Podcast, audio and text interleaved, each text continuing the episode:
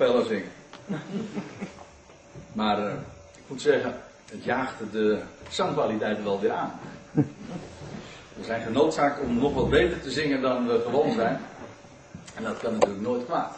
Ik stel voor dat we de Bijbel gaan openen bij een voor mij favoriet gedeelte. Die heb ik wel meer, dat geef ik toe. Maar ik doel nu op Romeinen 11.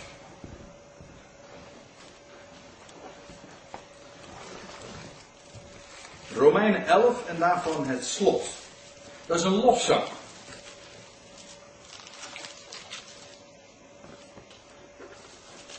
Nadat we zelf zojuist lekker hebben gezongen, hebben lof gezongen, kan het geen kwaad om ook eens een keertje naar een geïnspireerde lofzang te luisteren. En het gedeelte is bekend, en u weet hoe dat gaat met bekende gedeelten. Ze kunnen zo bekend zijn dat we nauwelijks meer ons realiseren wat er eigenlijk staat. En dat op zich is er reden genoeg al om daar eens de aandacht voor te vragen. En er komt bij dat ik zelf bij dit gedeelte de laatste weken heel vaak bepaald ben. Het maakt altijd weer een grote indruk. En ik wil graag eens uw aandacht vragen voor de bevindingen die ik zo gedaan heb de afgelopen weken terwijl ik met deze dingen zo bezig was. Ik begin te lezen vanaf vers 32. Ja. Hoewel dat nog niet de lofzang is. De lofzang begint in het volgende vers. En het zijn maar een paar versen die ik voorlees. In eerste instantie, want we gaan nog meer gedeelten uit de Bijbel lezen. In Romeinen 11 vers 32, daar trekt Paulus de conclusie uit dat wat hij tevoren heeft geschreven.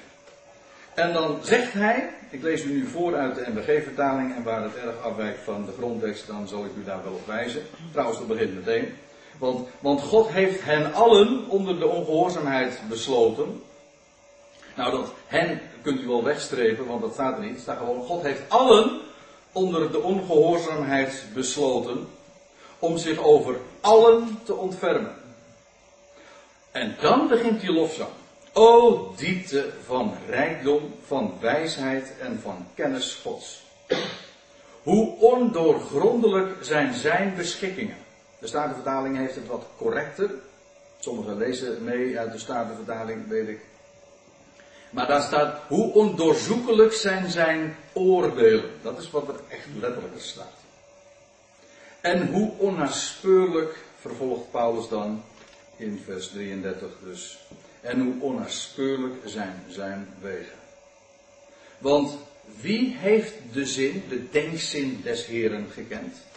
Of wie is hem tot raadsman geweest? Of wie heeft hem eerst iets gegeven waarvoor hij vergoeding ontvangen moet? Want uit hem en door hem en tot hem zijn alle dingen. Het al. Staat er eigenlijk. Hem zij de heerlijkheid tot in de eonen. Amen. Tot zover. Dat is een lofzang. O diepte van rijkdom. Dat is het feit dat, dat Paulus zo aanvangt, geeft al aan dat hij het uitroept. Als je zegt, oh, dan, dan, dan roep je inderdaad iets uit en dat blijkt dan vervolgens ook wel uit wat volgt. Het is inderdaad één grote ode aan een groot God. En het is bij wijze van spreken, als je het zou moeten uitbeelden, als, je het, als hier zo'n uh, mimgroepje zou zijn en die, moet, die zou dit gedeelte moeten uitbeelden, dan, dan val je op je knieën en dan, dan hef je je armen omhoog en zegt, oh, diepte van rijkdom. Het is onvoorstelbaar wat Paulus zo eh, in het voorgaande heeft verteld en zo is het op hem ook overgekomen. Terwijl Paulus dat heeft opgeschreven, of heeft laten opschrijven, want hij had een secretaris in dit geval. Zo weten wij het einde van de brief. Maar terwijl Paulus dit zo heeft opgezond en het heeft laten optekenen, is Paulus zo onder de indruk gekomen van dat wat God doet, wat zijn plannen zijn, dat hij op die wijze ook dit uitroept. En ik heb dat vers 32 er nog even bijgenomen, omdat dat de uiteindelijke conclusie is van het hele voorgaande gedeelte. Ja, je zou kunnen zeggen van vanaf hoofdstuk 1, vers 1 tot aan dit vers aan toe. Maar meer in het bijzonder ook van uh, de hoofdstukken 9, 10 en 11, waarin Paulus een, een exposé geeft, dat klinkt wel heel deftig, maar in ieder geval ingaat op de wegen die God gaat in verband met zijn volk Israël. En dat Israël blijkbaar vijandig staat tegenover het evangelie. En Paulus stelt zich de vraag, hoe kan dat nou? En hij gaat in deze hoofdstukken daarop in. Als apostel der heidenen, der natieën. Zo noemt hij zich ook in Romeinen 9.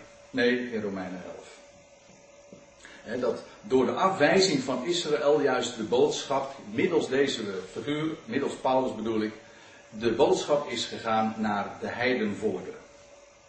En dan zegt hij, hij, hij, dat, dat hele gedeelte, dat heeft een conclusie en die conclusie vind je dan in vers 32, maar dat had hij ook al in eerdere hoofdstukken naar voren gebracht. Hij, hij zet het nog eens een keertje heel duidelijk uiteen. Hij concludeert, hij onderstreept wat hij zojuist in het voorgaande heeft naar voren gebracht. Hij schrijft dit. Want God heeft allen onder de ongehoorzaamheid besloten. Dat is iets wat hij, zoals gezegd, in de voorgaande hoofdstukken ook al had geschreven. De Romeinen 3 is heel bekend. Daar staat, daar wordt een, een, een, plaatje gegeven van de hele mensheid. Van u en ik, van al die 6 miljard mensen die nu leven, van al die miljarden mensen die geleefd hebben. En daar zegt Paulus van dat allen hebben gezondigd. En ze derven de heerlijkheid Gods. Dat wil zeggen, ze missen, ze komen tekort tot Gods heerlijkheid. En dan staat er, er is niemand die goed doet. Zelfs niet één. God heeft allen onder de ongehoorzaamheid besloten. Dat woord besloten, dat is heel, dat is heel uh, frappant. Maar dat vind je wel vaker in de brieven van Paulus, maar ook in de evangelie vind je het al een keer. Vind ik wel leuk om u er eens op te wijzen, want dan zie je ook hoe krachtig dat woord is. Dat woord besloten, dat kun je, kom je ook tegen in Lucas 5, vers 6. En laten we het even opzoeken.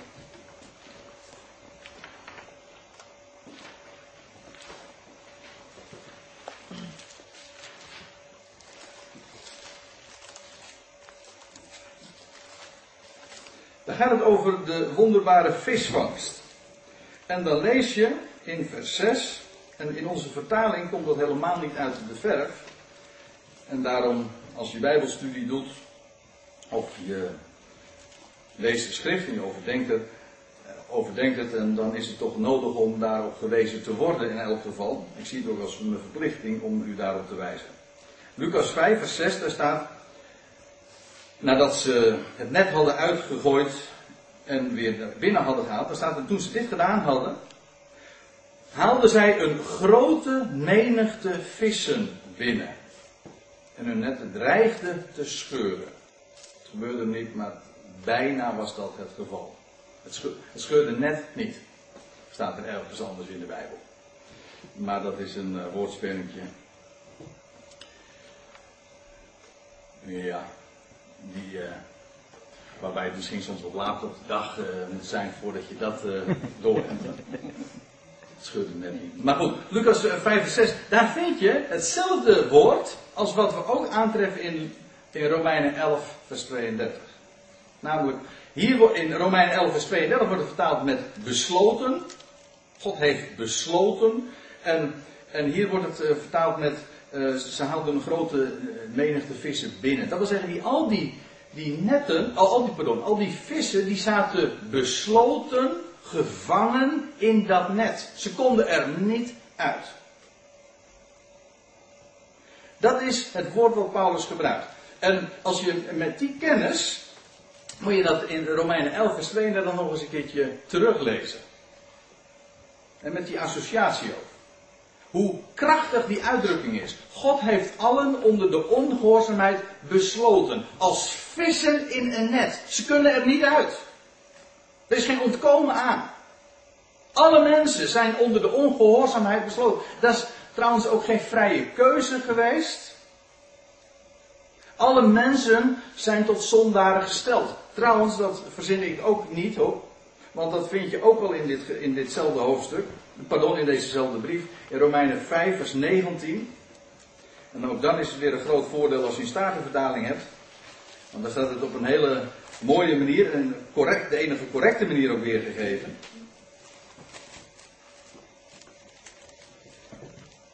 Helaas is de MBG-vertaling ook wat afgevlakt. Maar de kracht ervan kon, kon uh, toch ook niet worden weggepoetst. Daar is de schrift nu eenmaal te duidelijk voor. Daar staat in Romeinen 5 vers 19. Want gelijk door de ongehoorzaamheid van één mens. Gaat hier over Adam.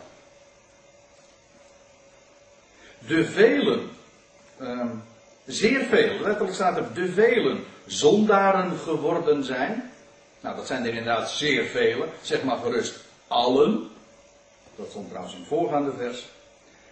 En zo zullen ook door de gehoorzaamheid van één uh, zeer velen rechtvaardiger worden. Het gaat mij eventjes over dat zondaren geworden zijn. Weet je wat er eigenlijk letterlijk staat? Dat ze tot zondaren gesteld zijn.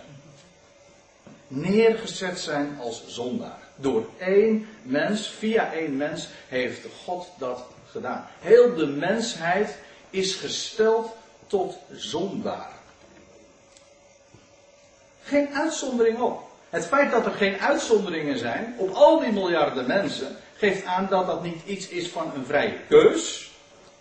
Zo van, nou ja, of een statistisch gegeven van het merendeel heeft nu eenmaal zo gekozen. Nee, het is een gegeven. Zo zijn we in de wieg gelegd. Zo zijn we ter wereld gekomen. Als zondaren. We zijn daarin besloten. Als gevangen als vis in een net. Je kunt er niet uit. En dat God heeft dat zo gedaan. En ja, dat, u vindt dat misschien verbijsterend als dat, als dat zo is. Maar het is echt zo. Het is, het is ook verbijsterend als dit, de hele, als dit het hele plaatje zou zijn. Maar je moet ook weten waarom dat zo gegaan is. Want als u nou eventjes weer teruggaat naar Romein 11, want we bladeren gewoon vanmorgen wat. Hè. We hebben alle tijd, vakantie, zondag, kortom, doe niet zo moeilijk. En dan, dan, schrijft uh, Paulus dus, hij zegt, God heeft allen onder de ongehoorzaamheid besloten, maar dat heeft hij niet zomaar gedaan, alsof God er een plezier in zou hebben dat de mensheid onder de zonde is gesteld, dat ze allemaal zondaren zijn. Nee, hij heeft dat gedaan met een oogmerk. En heel die mensheid is daar, uh, zit daarin gevangen. Trouwens, eh, voordat ik nu even daarop verder ga, wil ik u nog op een andere schriftplaats wijzen in dezezelfde brief. Namelijk in Romeinen 8. Romeinen 8, vers 20. Daar schrijft Paulus ook zoiets. Het is een, uh, een geweldige brief, deze Romeinenbrief, waarin Paulus zulke geweldige, fundamentele, essentiële waarheden naar voren brengt. Die kan je eigenlijk niet missen. En zo weinig mensen hebben daar oog voor. En wat Paulus naar voren brengt, dat is ja dat God is zo de soevereine God. Hij handelt, hij gaat zijn weg. Goed, Romeinen 8 vers 20. Daar staat, nou ik lees even ja, vanaf vers 20 ja. Want de schepping is aan de vruchteloosheid, in de Statenvertaling staat, aan de ijdelheid onderworpen. Moet u eens opletten wat er vervolgens staat. Niet vrijwillig, dat wil zeggen niet uit eigen keus. Het is niet zo dat het schepsel daarvoor gekozen heeft. Nee, er staat, maar omwille, om de wil van hem, een hoofdletter natuurlijk, die haar daaraan onderworpen heeft. Moet je, er staat een komma, hè? Want als, dat een, als er hier een punt zou staan, dan, zou je weer datzelfde verbijsterende hebben van, van is dat, heeft God daar een, be, behagen in om het zo te doen? Nee, maar hij heeft daar een re, reden voor.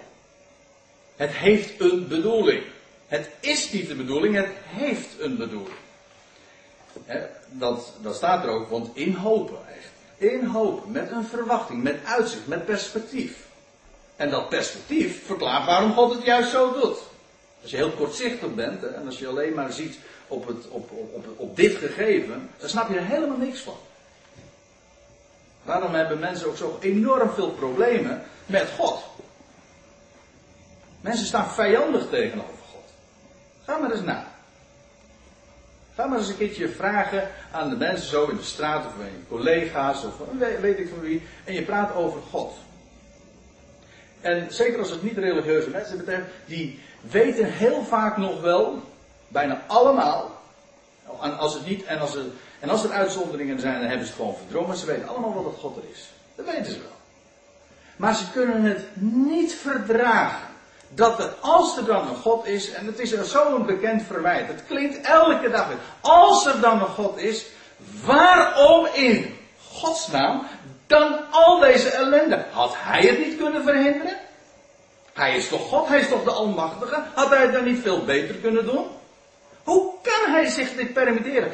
En daarom, men kan niet geloven in God, omdat men niet, omdat als, als men dat moet accepteren, dan, dan ja, zouden ze ook moeten accepteren dat hij dit alles zomaar toelaat. Ja, dat is ook zo. Hij laat dit allemaal zo toe. Hij laat dat zo gaan. En ik moet u nog, en dat vind ik altijd mooi, hè. we hebben een evangelie, lieve mensen. Dat is wel zeggen een blijde boodschap. Er gaat namelijk niks mis. Wij denken dat wel. Dat komt omdat we weer zo kortzichtig zijn. We zien niet het perspectief.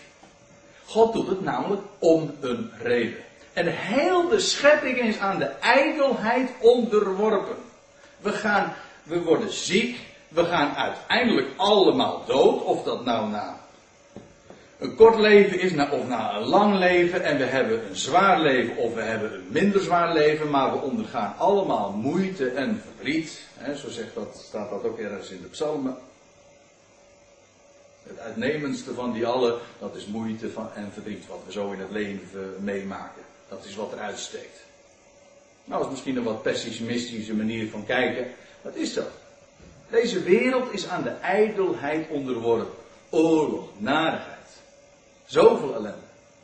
En, en dan staat er in Romeinen 8, niet vrijwillig. Dat wil zeggen, de schepping heeft dat zelf niet gekozen. Maar het is om hem die haar daaraan heeft onderworpen. God gaat zijn weg. Hij heeft dat gedaan. En dus, wat ik ermee zeggen wil, is, want we hebben het natuurlijk over Romeinen 11 vers 32 nog.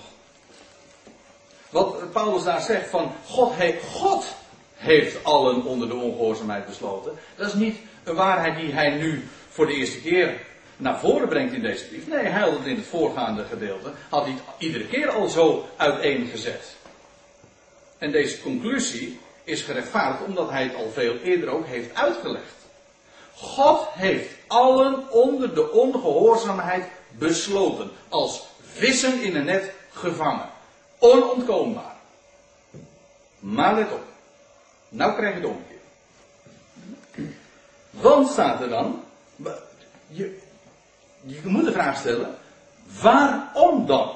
God heeft allen onder de ongehoorzaamheid besloten. Dat is een gegeven is in wezen niet moeilijk om te aanvaarden. Het is gewoon zo. Het is gewoon een gegeven. De vraag is, waarom? Nou kan ik gaan filosoferen. Ik kan gaan theologiseren. We kunnen ook gewoon gaan lezen. Paulus geeft het antwoord op die vraag. Hij zegt namelijk waarom. Hij zegt, God heeft allen onder de ongehoorzaamheid besloten om zich over allen te ontfermen. Daarom. Moet je goed op u laten inwerken. God heeft allen onder de ongehoorzaamheid besloten om zich over allen te ontfermen. Waar geen, waar geen ongehoorzaamheid zou zijn, waar geen zonde zou zijn, dan zou God zich niet hoeven te ontfermen ook. Ontfermen doe je over iemand die gevangen zit.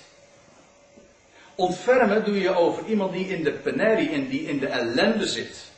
Paulus schrijft, ook al in ditzelfde, dezezelfde brief in Romeinen 5, dat de wereld onder de zonde besloten is. Ja, ja.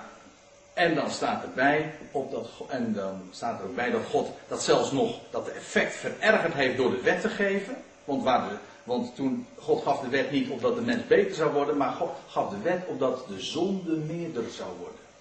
Ook wel zo'n verbijsterende tekst. Allemaal van die ketterse teksten, van allemaal van die ketterse schriftplaatsen, maar die zo regelrecht uit de pen van Paulus zijn gevoerd. God heeft het, zo, zo, wordt het naar voren gebracht. God heeft die wet aan Israël gegeven en er staat erbij opdat de zonde te meren zou worden. Maar, zegt Paulus, waar de zonde meerder werd, daar is de genade des te overvloediger geworden. Daarom. Kijk, als God de overvloed van zijn genade wil bewijzen, dan heeft hij een achtergrond nodig. Dan heeft hij een, dan, dan, uh, dan kan het alleen maar als daar zonde tegenover staat.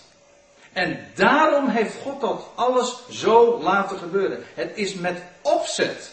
God wil laten zien dat hij van deze wereld houdt. Daarom.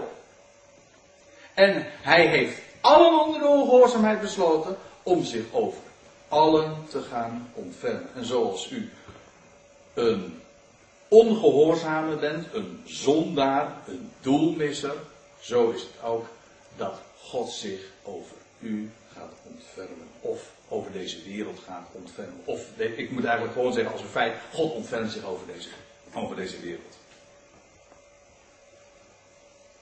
En in beide gevallen staat er. Alle. En dan roept Paulus uit in vers 30. O diepte van rijkdom, van wijsheid en kennis Gods. Let op hoe hij het formuleert. Hij zegt niet, o hoogte van rijkdom,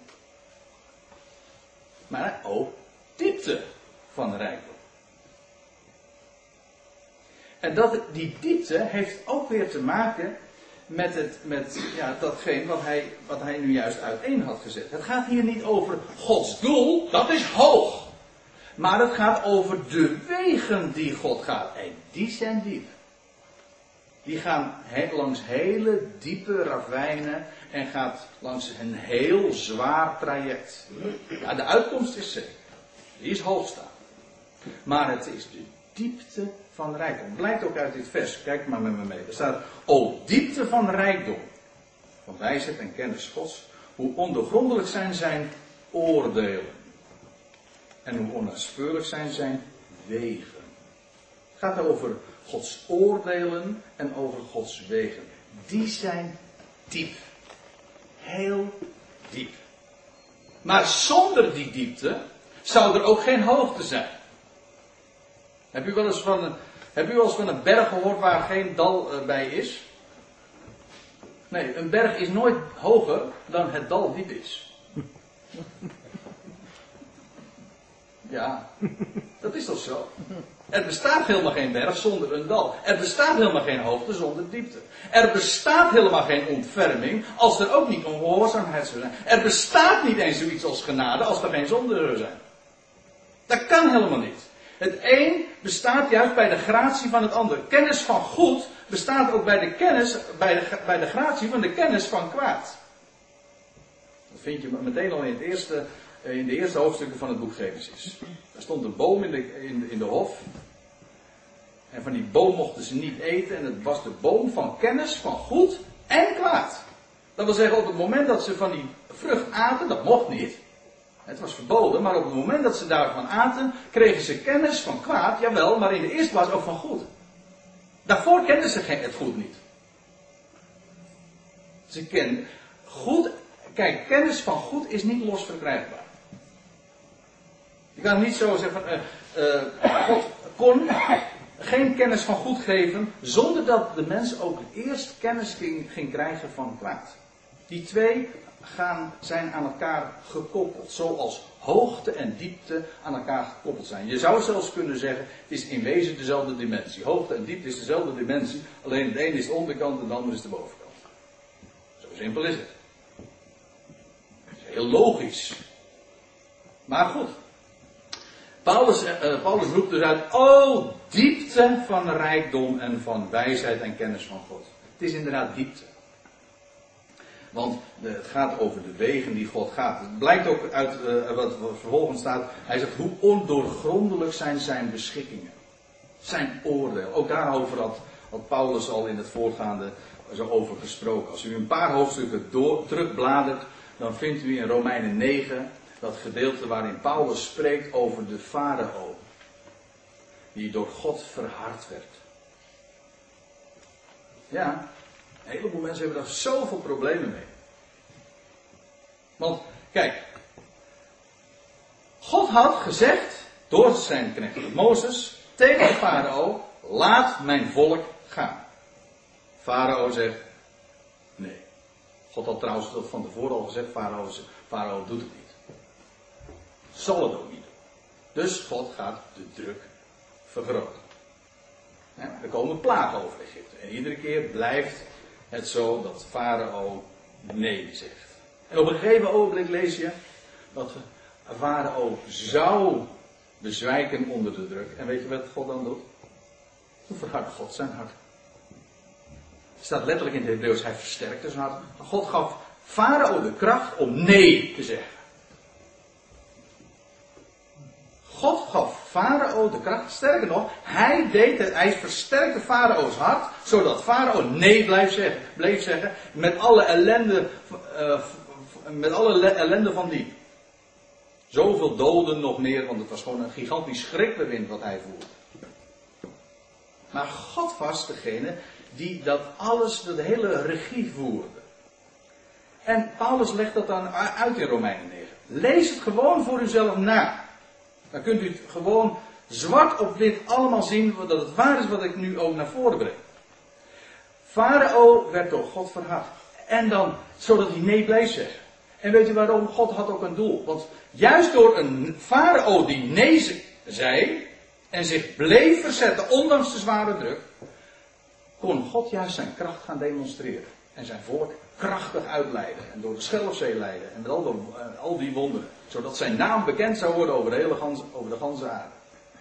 Daarom. En dan krijg je die vraag in Romeinen 9. Van de, de denkbeeldige opponent. Die zegt dan. Ja, maar wat heeft God dan nog aan te merken? Lees dit voor mij. Sommigen zien zo ongelooflijk. Nou, die hebben dat zeker nog nooit gelezen. Maar Romeinen 9, nee.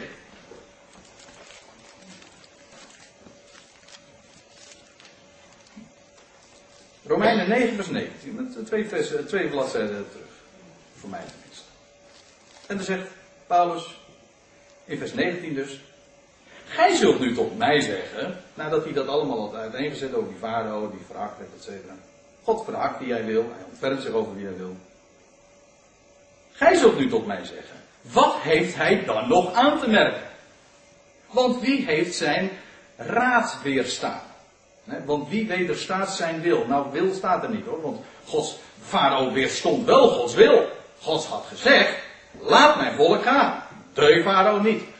Maar als God zelf het was die Farao de kracht gaf om nee te zeggen en om nee te doen, om zich te verzetten, dan, dan is de vraag, ja, die dringt zich dan vanzelf aan je op, maar wat heeft God dan nog aan te merken? Waarom oordeelt hij dan Farao? Want Farao heeft, doordat hij zo deed, dan toch niet Gods raad weerstaan, zijn bedoeling. En weet je wat het antwoord is? Er komt geen antwoord. Het antwoord is, vers 20. Maar gij, o mens, wie zijt gij dat gij God zou tegenspreken? Zal het geboetseerde soms tot zijn boetseerde zeggen, waarom heb je me zo gemaakt? Of heeft de pottenbakker niet de vrije beschikking over het leem om uit dezelfde klomp het ene voorwerp te vervaardigen tot eervol en het andere tot alledaags gebruik? Nou, enzovoorts. Het antwoord is gewoon van, je moet je mond houden, mens. Wie denk je wel dat je bent? Je bent gewoon een stukje klei in de hand van de pottenbakker. Dat bent u, dat ben ik, dat zijn al die miljarden mensen. Zijn allemaal stukjes klei. En mensen zeggen van, nou, we zijn geen robot. Nee, we zijn geen robot. Nee. We zijn een stuk klei en we worden gekneed door de pottenbakker. Dat is wat we zijn. En dat was Farao, die was een bepaald vat. Een vat ten onere, dat is waar. Een vat ten onere. En God heeft hem zo gemaakt. Niemand heeft zichzelf gemaakt. U hebt uzelf niet gemaakt. Ik heb mezelf niet gemaakt. Ik heb, ik heb, mijn, ik heb niet voor Jezus gekozen. Hij heeft mijn ogen geopend. Zo is het ook nog eens een keer. Dus niets van onszelf bij. Helemaal niets. En maar waar het nu even om gaat, God ging zijn weg met Farao. Maar hoe kan God zich dat dan permitteren? Wat heeft hij daar nog aan te merken? En God zegt, uh, of Paulus zegt dan, jij bent maar een mensje, je bent gewoon een stuk klei. Wie ben jij nou dat je God zou tegenspreken? Nou, dan gaan we eventjes terug naar Romein 11 weer, want we hebben het over die lofzang.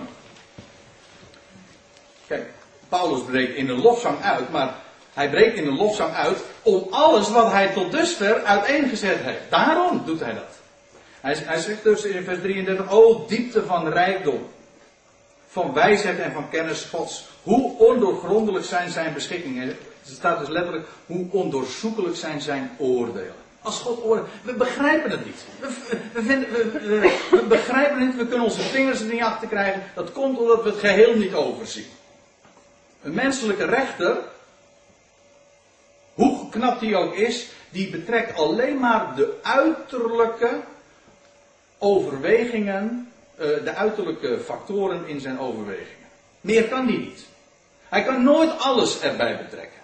Maar God is anders. God is degene die, die weet wat maaksel wij zijn. Die kent ons door en door en die kent heel zijn schepping. En hij gaat zijn weg en daar hebben we geen klap mee te maken. Zo is het. Ja, ik kan het niet te zeggen, maar zo is het gewoon. Daar hebben we niks mee te maken. En wij begrijpen zijn oordelen en zijn beschikkingen niet. We, we, één ding weten we wel. En dat is dat als God oordeelt, als God besluit onder de ongehoorzaamheid, dan is dat uitsluitend om zijn liefde te gaan bewijzen. Daarom. Het is altijd de liefde die hem beweegt om de weg te gaan die hij gaat. En dan wil ik u nog, nog wat uh, anders lezen in vers 33. Er staat ook nog bij hoe onnaspeurlijk zijn zijn wegen. Ja, prachtig. Gods wegen zijn niet na te speuren. Dat is een, uh, waarschijnlijk ook een verwijzing naar, een, uh, naar, wat iets, naar iets wat we in de psalmen lezen. Psalm 77. U, u moet eens met me mee. Nou, u moet niks. Maar ik stel voor, laten we eens naar Psalm 77. Heel mooi.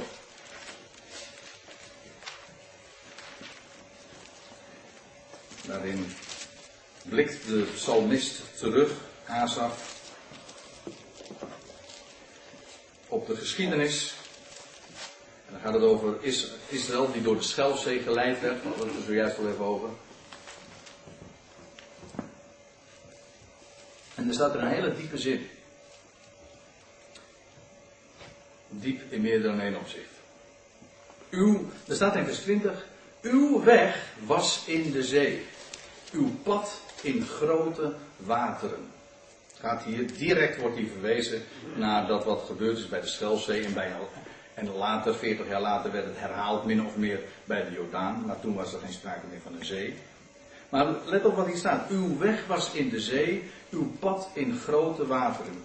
Zodat uw voetsporen niet werden gekend. Gij leidt uw volk als een kudde door de hand van Mozes en Aaron. Nou gaat het even om dit ene punt. Wat we lezen in vers 20. Uw weg was in de zee.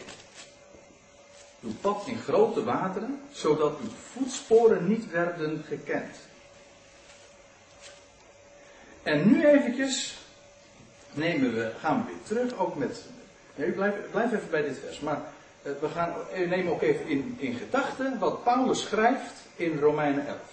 Paulus schrijft daar dat God momenteel zijn weg gaat onder de natie, onder de volken. Dat is de zee. In de Bijbelse symboliek zijn de volkeren staan voor de zee. Daag me niet uit, ik kan heel wat voorbeelden daarvan geven. De wij spreken ook inderdaad over de volkerenzee. De zee die gij zaagt, wordt tegen Johannes gezegd, dat zijn vele naties. Openbaring ergens. Gods weg is momenteel in de zee. Maar wat, wat dat betekent, ja, dat staat er ook bij. De consequentie daarvan is, zodat uw voetsporen niet werden gekend. Ik die ervaring heb ik nou de laatste weken ook heel wat keertjes mogen opdoen. we zitten wel op vakantie, we hebben nog steeds vakantie. Het is prachtig weer, eh, we wonen in Katwijk, dus wat wil je nog meer? Vaak aan het strand.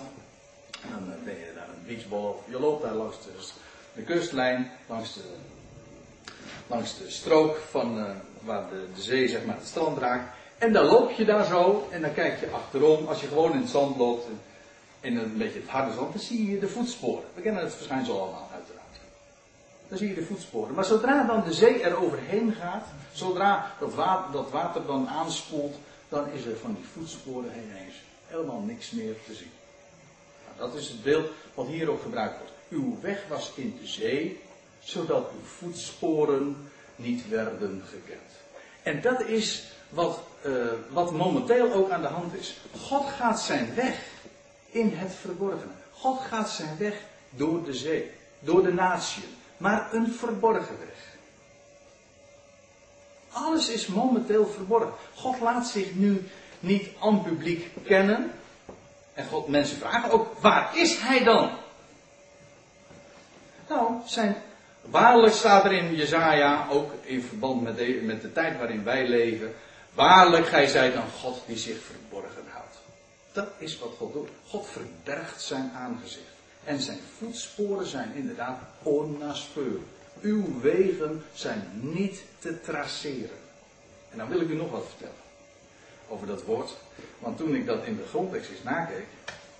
Dan, dan staat er bij voetsporen een woord dat letterlijk betekent hiel. En bij de Bijbelkenners onder u gaat er misschien een lampje branden. Of een belletje rinkelen. Want waar doet een hiel u aan denken? Aan welk Hebreeuws woord? Ja, precies. Maar uh, u had niet mogen zeggen, want u kent Hebreeuws.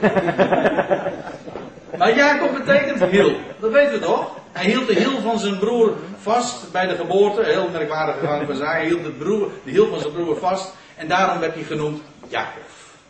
Hebreeuws. Dat betekent hiel. Nou, dat is het woord wat hier ook gebruikt wordt. Eh, dus eigenlijk is het niet zozeer voetsporen, maar het is gewoon die hiel. Die voetsporen heeft te maken met Jacob. En toen ik daarover nadacht gisteren, toen dacht ik, wauw, geweldig. Vertel ik ze morgen, eh, eh, dan ga ik ze morgen lekker vertellen in Den Haag. Vond ik zo mooi, want toen dacht ik van ja, want dat is nou precies wat er is.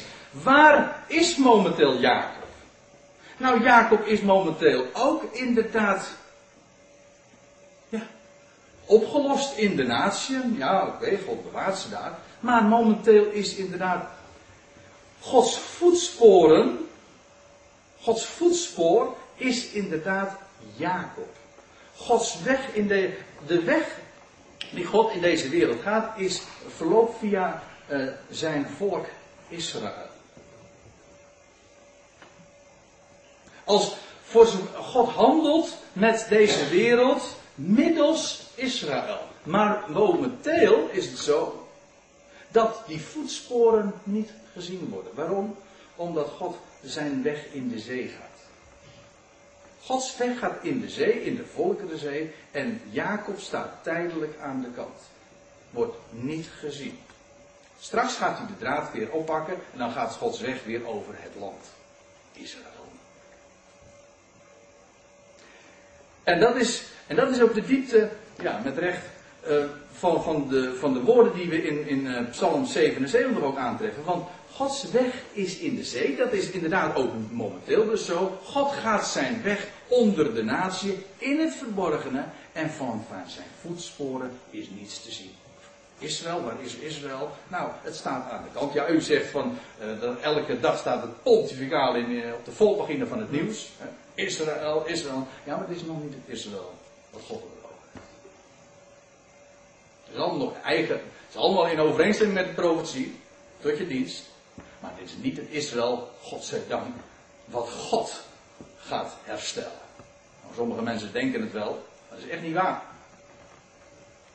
Dit is nog, dit is nog mensenwerk. Het is allemaal mensenwerk. Daar, daar blijft ook niks van over.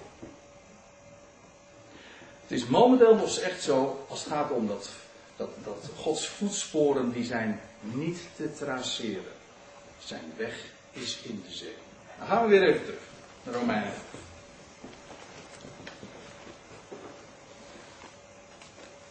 En als je dan dat zo overweegt, dan, eh, dan lees je vers 33 toch ineens heel anders. O diepte van rijkdom.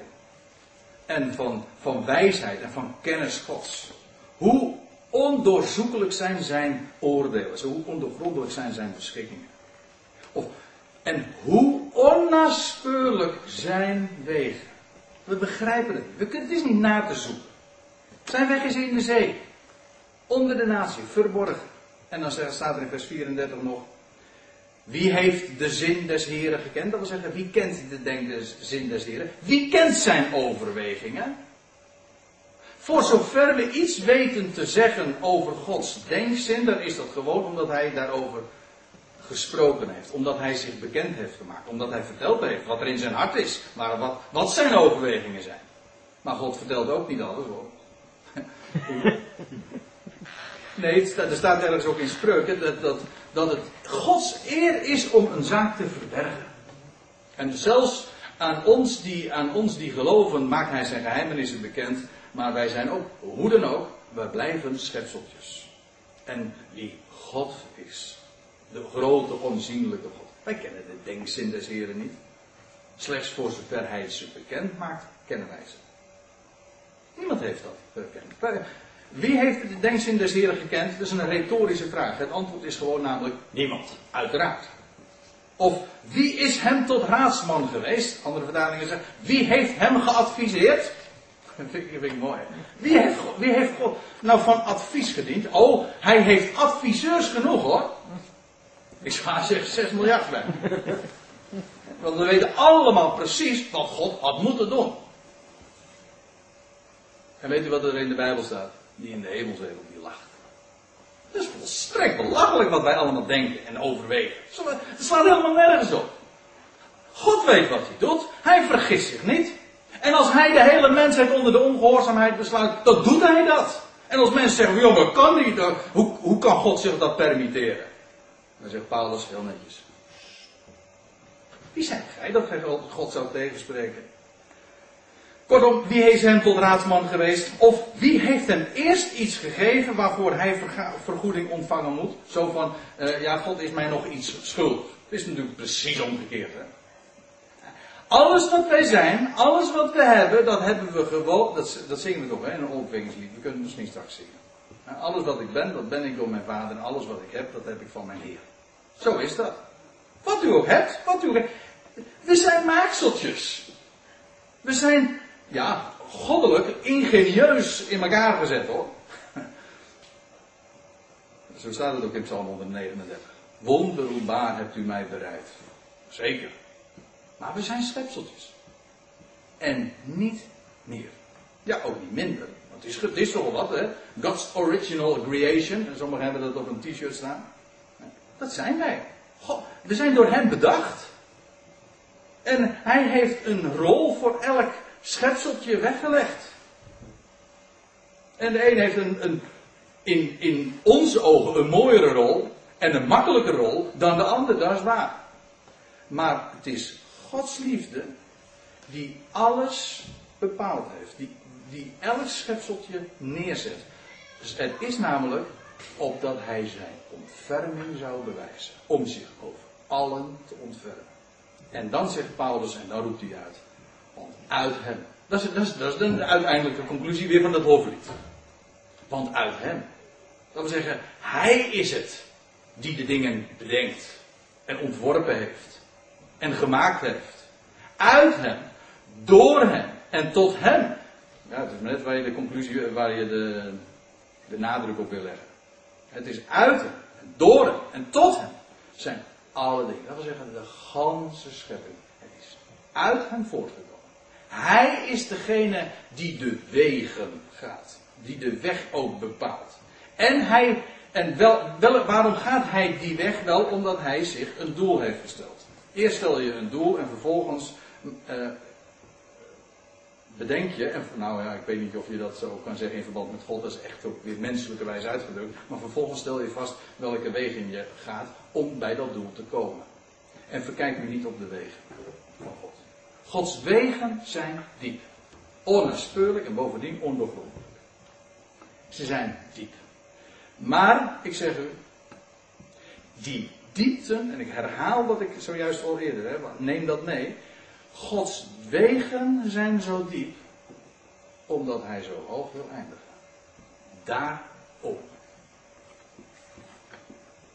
En daarom is het ook alles uit hem en ook door hem is. De weg die God gaat is diep, maar ook volmaakt. Ook dat gaan we straks maar eens met elkaar zien. Gods weg hè, is de beste, de beste altijd. En daarom zegt Paulus ook, uit hem, door hem en ook tot hem. Dat wil zeggen, alles leidt weer tot hem. Ja, God weet wat hij doet. Hij vergist zich niet. Er gaat nooit iets mis. Het komt allemaal bij hem uit. Het komt bij hem vandaan en het komt ook weer bij hem uit. En tussendoor gaat er ook nog eens een keertje niks mis. Lieve mensen, dat is evangelie hoor. Er gaat niets mis. Uit hem, door hem, tot hem zijn alle dingen. En daarom zegt Paulus ook, hem zij de heerlijkheid, tot in de Ionen, in al die tijdperken die ook nog gaan komen. En weet je wat de conclusie is? U zegt, nou zegt u natuurlijk, want het einde niet nodig eigenlijk. En dan vraagt u zich, en, en, en ik dan? Nou, zeg van, weet u wat die logische eredienst is? Ja, je zou het vervolg moeten lezen. Weet u wat de logica is? Als het waar is dat God ons gemaakt heeft, dat wij uit hem zijn, door hem zijn, tot hem zijn. Dat er niets van onszelf blijft. Weet je wat je dan zegt? Als, je dat, als dat kwartje gaat vallen, kan het ook anders zeggen. Als hij je ogen daarvoor gaat openen. Weet je wat je dan zegt? Heer, hier ben ik. Gebruik me maar. Ben ik klein in de hand van de pottenbakker? Nou, hier, kneep me maar. Dat is, u zegt uh, dat misschien van dat dat een eigen conclusie is, maar lees het nou eens even gewoon verder in Romeinen 12. Ik vermaan u dan, broeders, met het beroep op de barmhartigheden Gods. Dat is een conclusie. Ik vermaan u dan, broeders, met, met het oog wat ik zojuist naar voren heb gebracht. Dat gij uw lichamen stelt tot een levend, heilig, gode, welgevallig offer. Dat is uw redelijke eredienst. Letterlijk staat er, dat is uw logische eredienst. Als het waar is, alles van hem is. Uit hem, door hem en tot hem is. Dan zeg je, nou hier, je stelt je lichaam. Hier, je presenteert het. Hier ben, ik. Kneed mij. En maak mij tot een offerande. Tot uw Heer. Hè? Gode welgevallig offer. Amen. Gods weg is de beste, de beste, altijd. Dat vind ik altijd een heel mooi lied. Omdat uh, een heleboel mensen die weten wel dat Gods doel ook het, uh, dat Gods doel heel goed is en zo hoog en het beste is. Maar ook Gods weg. De weg die hij daar naartoe gaat, is altijd de beste. Is de beste, de beste altijd. Gods weg is de beste, waarheen hij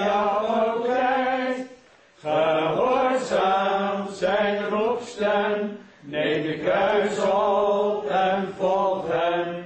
Gods weg is de beste, de beste altijd. We met elkaar nog danken. Hemelse Vader, we willen u heel hartelijk dank zeggen dat u ons bepaalt bij deze waarheid, bij zo'n geweldig schriftgedeelte. Dat Paulus het zelf ook uitroept en zegt, o diepte van rijkdom, beide van wijsheid en kennis Gods. Heren, we hebben er een klein beetje aan mogen ruiken. Aan wat, Paulus zelf, wat er door Paulus zelf heen is gegaan toen hij dit uitriep en toen hij dit liet opschrijven. Of wat u in gedachten had toen u het Paulus liet opschrijven. Want uiteindelijk, u bent degene geweest die die schriften geïnspireerd heeft. U hebt Paulus' hand zo ook geleid. En Heer, we danken u dat we bepaald mochten worden vanmorgen opnieuw bij die grote, soevereine God. Wiens wegen wij niet begrijpen, die ook ondoorgrondelijk, ondoorzoekelijk zijn. En voor zover we er iets van begrijpen, dan is dat omdat u zich bekend maakt. Omdat u uw geheimen vertelt. En Heer, we danken u dat we in, bij, die, bij dat selecte gezelschap, bij die happy few mogen behoren. Nu nog, die daar, de, van wie de harten en de ogen geopend zijn. Dat we daar kennis van mogen nemen, dat we het ook mogen uitdragen, dat we het mogen uitspreken. Want het, het is weliswaar slechts bestemd voor een select gezelschap. Mensen die u vandaag uitroept. Het is niet de hele wereld. waarvan, waarvan op dit moment al de ogen en de harten geopend worden. Maar niettemin, iedereen mag het weten. En we kunnen het luid en duidelijk verkondigen. Heer, we danken u dat we mogen weten dat u God bent. Alles op zijn plek zet. En dat uw doel zo ultiem is, zo groot is. Dat u uw liefde gaat bewijzen aan heel de schepping. En dat u zelf voor die uitkomst garant staat. Dat u niets aan het mens overlaat. U zegt, ik ga mij weg. Ik zal het doen. Zodat alle roem volkomen is uitgesloten. Heer, we danken u dat die blijde boodschap een boodschap van genade is. Van om niet.